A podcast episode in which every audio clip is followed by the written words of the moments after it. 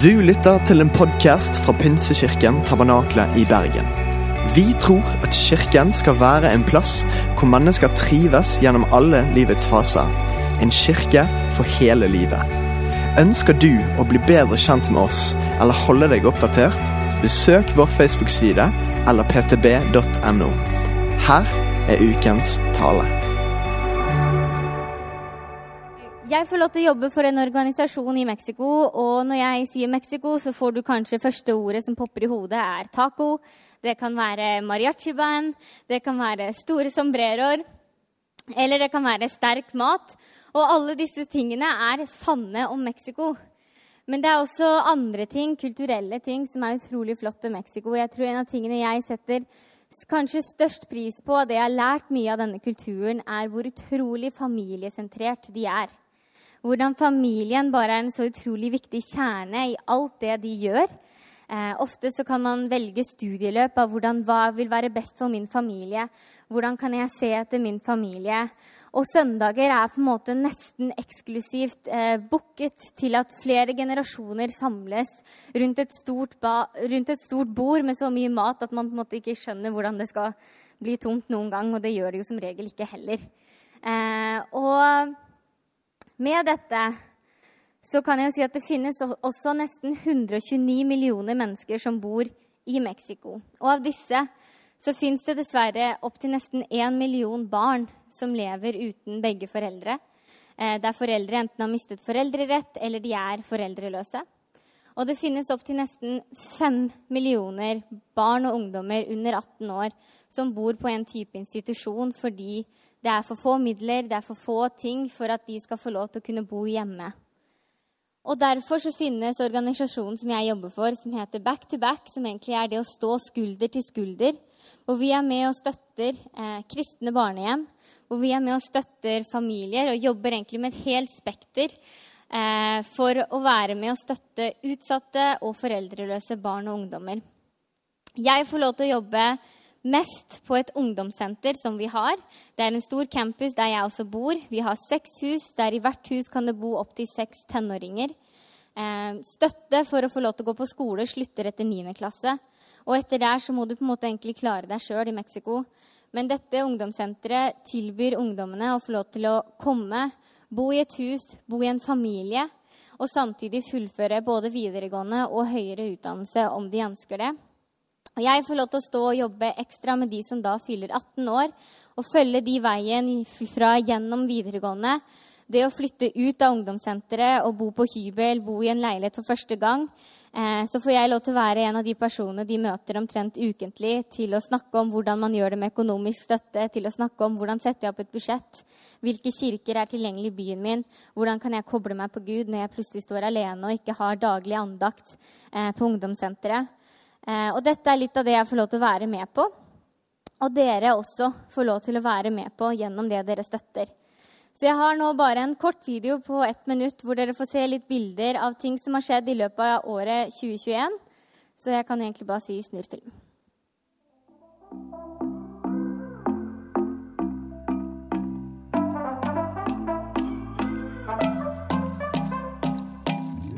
other day I was thinking to myself, made a list of all my mistakes. Oh, I wish I could have run to you and tell you all about my heartbreak. And I wondered to myself, wait a minute, am I even on the right path now? Had a couple wins, but I got knocked down. But I know that you are here right now, and you say, Ooh, sometimes you lose, sometimes you win.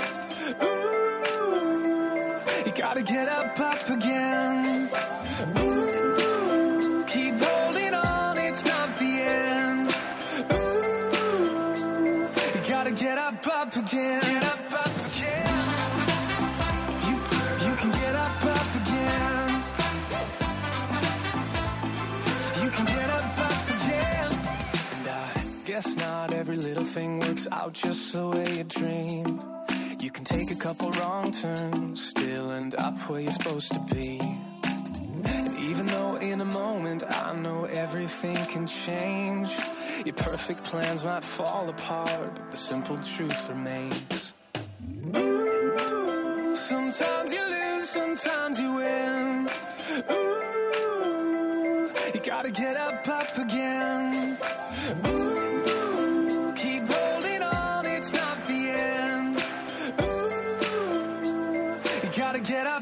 yeah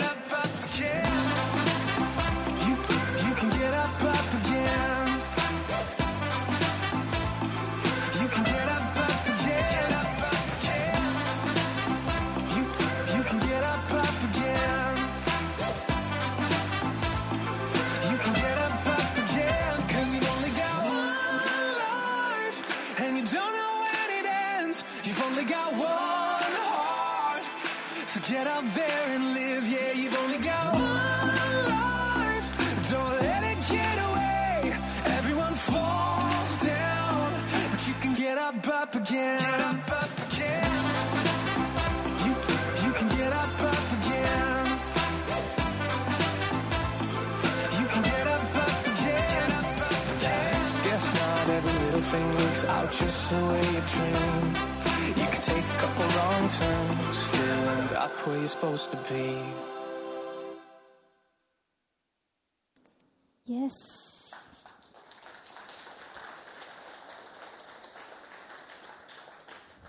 På et av de siste bildene der så ser dere jeg som sitter på et bord med en del unge menn. Eh, disse er da de som har flyttet ut av vårt ungdomssenter. Eh, og de er alle i 20-22-årsalderen. Og vi gikk på en kjøttbuffé, hvor liksom brasiliansk kjøttbuffé. Og det gikk mye mat den kvelden.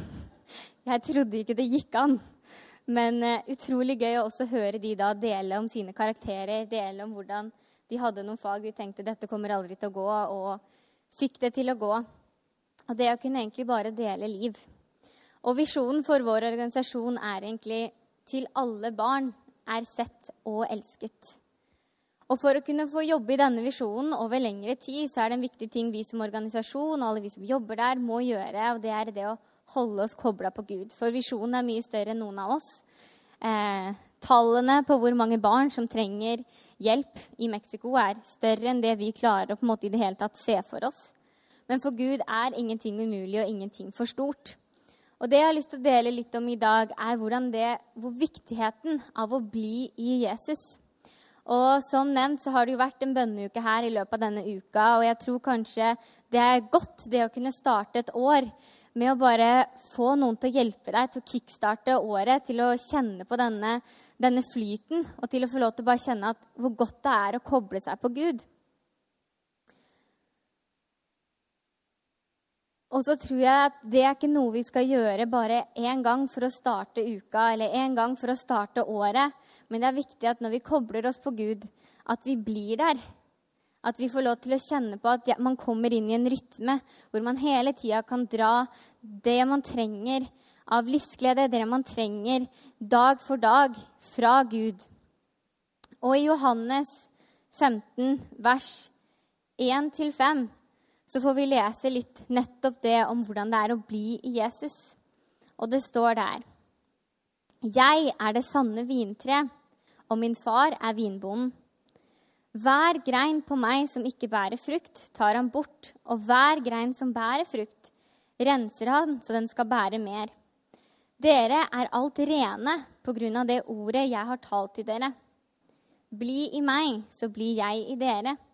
Slik som grenen ikke kan bære frukt av seg selv, men bare hvis den blir på vintreet. Slik kan heller ikke dere bære frukt hvis dere ikke blir i meg. Jeg er vintreet, dere er grenene. Den som blir i meg og jeg i ham, bærer mye frukt. For uten meg kan dere ingenting gjøre. Jeg har noen få planter i Mexico. Eh, og som dere kanskje også så på bildene, så er jeg jo velsignet med noen flere dager med blå himmel enn kanskje dere er her. Eh, men det som da skjer, er at jeg ikke alltid den flinkeste til å passe på disse plantene. Eh, og jeg har et lite tre rett på utsida av leiligheten min. Eh, og det skjer ganske ofte at jeg kommer ut og ser på dette stakkars treet, og bladene rett og slett ser litt sånn De er ikke døde. De har ikke visna men de ser kun litt sånn livløse ut. Og for meg så er det liksom den varsellampa på at å ja, ja, nå kan jeg ikke vente noe mer. Nå kan jeg ikke gjøre noe annet først. Nå må jeg liksom gi denne, dette lille stakkars treet litt vann før jeg gjør noe annet. Og så tror jeg det er litt sånn det vi også kan lese i denne teksten, om at viktigheten av at vi hele tida drar næring av Gud. At vi hele tida er kobla på Han. Ikke fordi at hvis ikke vi setter oss ned 15 minutter og leser Bibelen om morgenen, så slutter vi å tro på Gud. Eller så slutter vi å vite hvem Gud er. Men det kan lett skje at når vi glemmer å koble oss på Gud, så kan det se litt ut som disse bladene på dette treet. At det blir litt livløst, og at man kjenner at det er vanskelig å vokse. Det er vanskelig å dra fram tro i situasjoner der det trengs en ekstra dose tro, kanskje. Eh, og nettopp derfor så er det så viktig at vi hele tida husker på dette og bli i ham. For når vi får lov til å bli i han, så blir det sånn at litt som når jeg vanner dette treet, så kan jeg komme tilbake dagen etterpå, og bladene ser helt annerledes ut. De Plutselig er de oppreist. De har en helt annen måte å skinne på. Men så kan jeg også se at på siden så kommer det ut små skudd. Og det betyr vekst. Og jeg kan se at når jeg passer på å gi denne planten vann, så kommer det også vekst. Og det vokser, og det får lov til å bli større. Da må jeg etter hvert ha ny potte også? Den dag, den glede. Eh, men det å bli i Gud er jo også noe aktivt. Noe det at vi må aktivt søke Gud. Noe vi må huske på om og om igjen. Og en person eh, i Bibelen som jeg stadig går bak, tilbake til historien av, eh, som er en person som for meg personlig fascinerer meg, eh, er Josef i Bibelen. Og hvordan han alltid var kobla på Gud uansett hans omstendigheter. Og jeg har lyst til at vi skal gå litt og på en, måte, på en litt forkorta måte snakke litt om Josef sitt liv og det han har stått i. Og helt i starten så kan vi lese i Første Mosebok 37, fra vers 3, litt om starten på livet til Josef, hvor det står Israel, altså Josefs far, elsket Josef mer enn alle andre sønnene, for han hadde fått ham i sine gamle dager. Han hadde laget en forseggjort kjortel til han, men da brødrene så at faren elsket ham mer enn de andre, la de ham for hat og kunne ikke si et vennlig ord til ham. En gang hadde Josef en drøm. Han fortalte den til brødrene sine, og de hatet ham enda mer. Han sa til dem, 'Hør hva jeg har drømt.' Se, vi var ute på åkeren og bandt korn. Kornbåndet mitt reiste seg og ble stående, mens kornbåndet deres samlet seg omkring mitt og bøyde seg for det. Da sa brødrene til han, skal du være konge over oss? Skal du herske over oss? Så hatet de ham enda mer for drømmene hans og for det han sa. Josef hadde enda en drøm og fortalte den til brødrene sine. Nå har jeg hatt enda en drøm, sa han. Se, solen og månen og elleve stjerner bøyde seg for meg. Da han hadde fortalt drømmen til faren og brødrene, irettesatte faren og sa, Hva slags drøm er det du har hatt? Skulle jeg og din mor og dine brødre virkelig komme og bøye oss til jorden for deg? Brødrene ble misunnelige på han, men faren merket seg det han hadde sagt. Jeg kan tenke meg at Josef som 17-åring som får lov til å få disse drømmene fra Gud, kanskje begynte å se for seg og visualisere og tenke seg frem hvordan kan dette bli virkelighet? Kanskje han så for seg at uh, på et eller annet vis så ble det han som ble arvtaker for alt det faren hadde eide, og at han på en eller annen måte skulle styre der han var. Kanskje han hadde sett for seg en vei hvor tenker ok, hvis jeg vokser i mer kunnskap, så blir jeg kanskje mer kunnskapsrik, og derfor må alle komme til meg for å spørre om råd. Jeg vet kanskje ikke helt hva han så for seg, eller hva han tenkte. Men når man leser videre historien og hva som skjedde i Josef sitt liv, så tror jeg at mye gikk ikke slik han hadde tenkt, eller slik han kanskje først så for seg når han begynte å få disse drømmene. For misunnelsen til brødrene blir såpass intens at de bestemmer seg for å selge han til slaveri.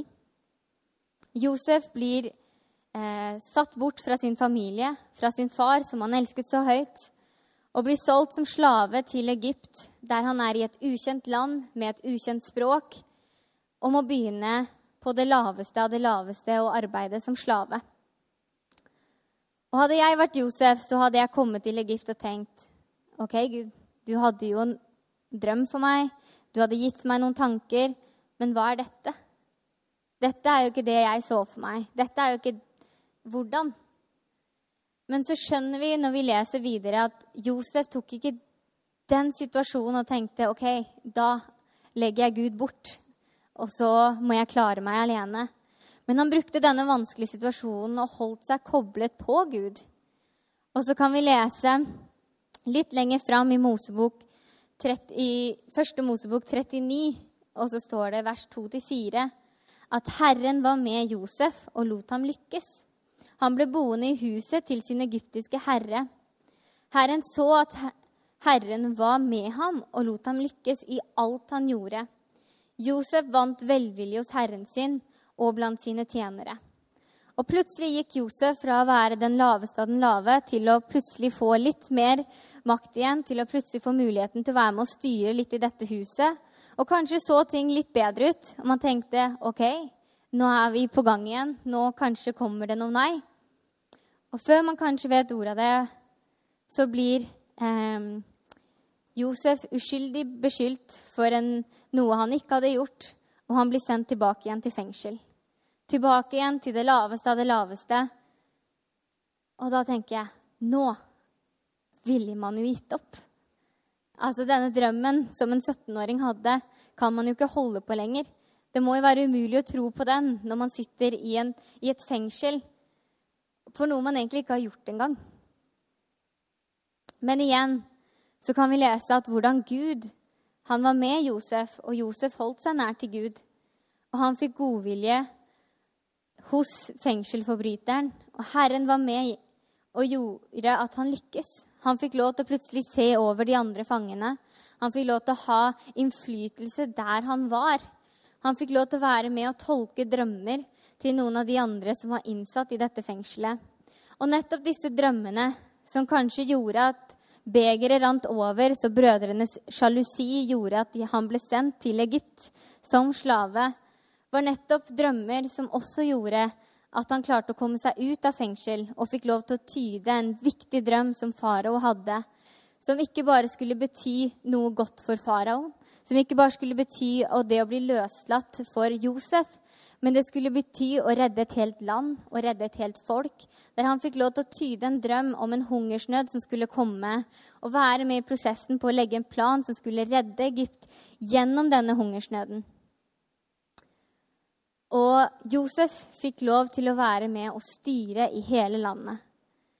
Og Hungersnøden var vanskelig, og familien til Josef trengte hjelp og de trengte korn etter hvert og måtte reise fra der de var, helt til Egypt. Og plutselig, før de visste ordet av det, så sto de foran en mann som de ikke kjente igjen.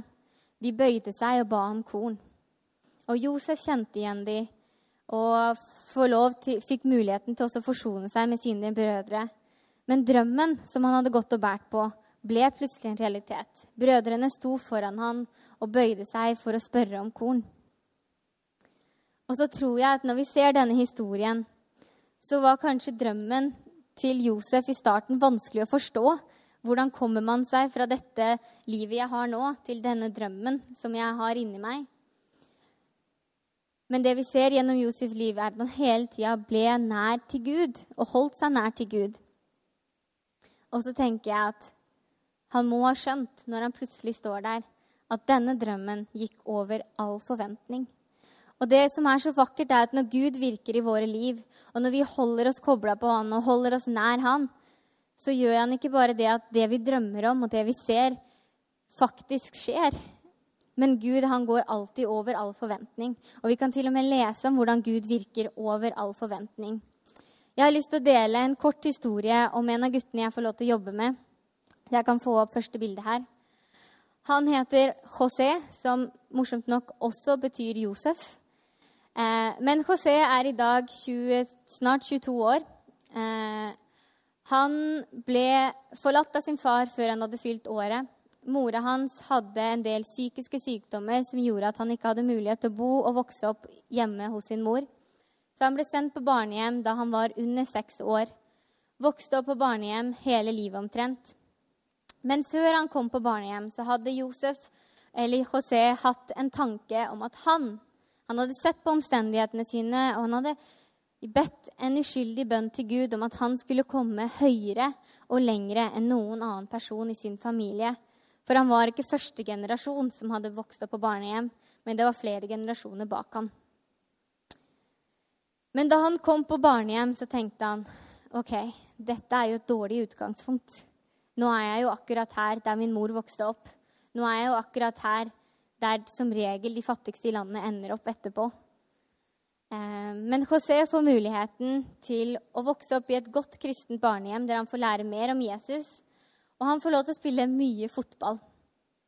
Han blir utrolig glad i fotball, og det blir forstått etter hvert at han har et godt talent for fotball.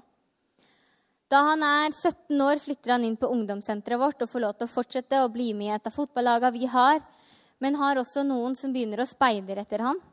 Og et av de beste juniorlagene i Mexico er på utkikk og har lyst til å, at han skal signere kontrakt med dem for å få lov til å spille i et av deres lag. Så for José så tenker han nå, nå har jeg gjort det, nå er jeg nærmere enn noen gang. Dette kan jo gå. Jeg kan nå høyere og lenger enn min familie noen gang. Hvis jeg blir kjent, hvis jeg blir proff, da er jeg jo på riktig måte, og alt kommer til å gå bra. Men midt oppi denne perioden, der han egentlig er klar for å gå inn på dette juniorlaget, så spiller han en kamp der han ryker leddbåndet i kneet og ender opp på bakken og kan ikke spille mer. Og alt det han har lagt sine drømmer på, blir knust. Eh, og han trenger en vond operasjon hvor legene er Det er ikke sikkert du kan spille fotball mer noen gang. Eh, på mirakuløst vis så bestemmer den som skal operere kneet hans, at han ikke skal ta noe betalt for det. Som i seg selv var et mirakel, fordi han visste ikke i det hele tatt om han kunne få til operasjonen. Men midt oppi dette så gir José litt opp, forteller han. Jeg gir opp, tenkte han. Jeg klarer, kommer ikke til å nå høyere, jeg kommer ikke til å nå lengre enn noen andre i min familie. Og så gir han litt opp til Gud også, og så sier han, Gud, her er jeg, hva gjør jeg nå? Og sier at for første gang så overga han seg selv til Gud på en måte han aldri hadde gjort før. Og Gud var trofast i denne stunden, og han fikk lov til å bli kjent med en mentor. En person som tok seg tid til å møte han ukentlig, til å være med han. Og denne mentoren begynte også å fortelle han om jobben han hadde. For denne mentoren jobba nemlig som pilot. Og eh, som pilot så tok han han med på flyplass for første gang i hans liv. Og når han fikk se disse flyene og fikk se den jobben og fikk lov til å sitte i et småfly sammen med denne piloten, så fikk han en ny drøm. Og det var at en gang så skal jeg få lov til å kjøre et sånt fly. Og en gang skal jeg få lov til å gjøre, få en utdanning mye lenger enn noen andre i min familie har gjort. Og José i dag er ferdigutdanna flymekaniker og har tatt hele den utdanningen han trenger for å bli pilot, og har bare pilottimene igjen. Han har tatt 20 av de, og i forgårs fikk jeg melding av han at han hadde vært på en flytime, og han hadde fått beskjed om at neste flytur han skulle ta, var sin første soloflytur. Eh, og så forteller han rett før jul, når vi hadde en samtale med han, at han egentlig aldri hadde tenkt over det, men når han fløy opp i skyene, så var han bokstavelig talt høyere og lengre enn hans familie noen gang hadde nådd. For ingen i hans familie hadde noen gang klart å krysse grensa fra Mexico til USA. Og på en av hans øvelsestimer så måtte han fly til Texas og lande på rullebanen i Texas. Og det var en drøm som kanskje så annerledes ut enn det han hadde tenkt seg, men som gikk over all forventning. Og han har utrolig mange drømmer nå og snakker om det å skulle lære seg å fly helikopter og skulle lære seg å fly mange andre ting, så han kan være med og hjelpe andre mennesker. Så han kan få lov til å være et eksempel for andre som har vokst opp akkurat som han. Og så sier han, jeg kan aldri sette meg i et fly før jeg takker Gud for der jeg er i dag, men også ber han om å følge meg videre og om å være med meg. José har skjønt at det å være kobla på Gud og det å bli i ham er det han trenger for å kunne møte hverdagen. For han vet at selv om han har fått til noe utrolig stort, så er det ikke bare lett med hans hjemmesituasjon, så er det ikke bare lett med tingene rundt. Men han vet at det han trenger for å klare å ta ett skritt lenger fram, er det å holde seg kobla på Gud. Jeg tror at vår jobb, uansett omstendigheter, er dette at vi trenger Gud. Vi trenger å bli i ham. Vi trenger å huske på denne illustrasjonen, for hvis vi, ikke, hvis vi glemmer det, så blir vi livløse. Så står vi stille, og så tenker vi 'jeg kommer ingen vei'.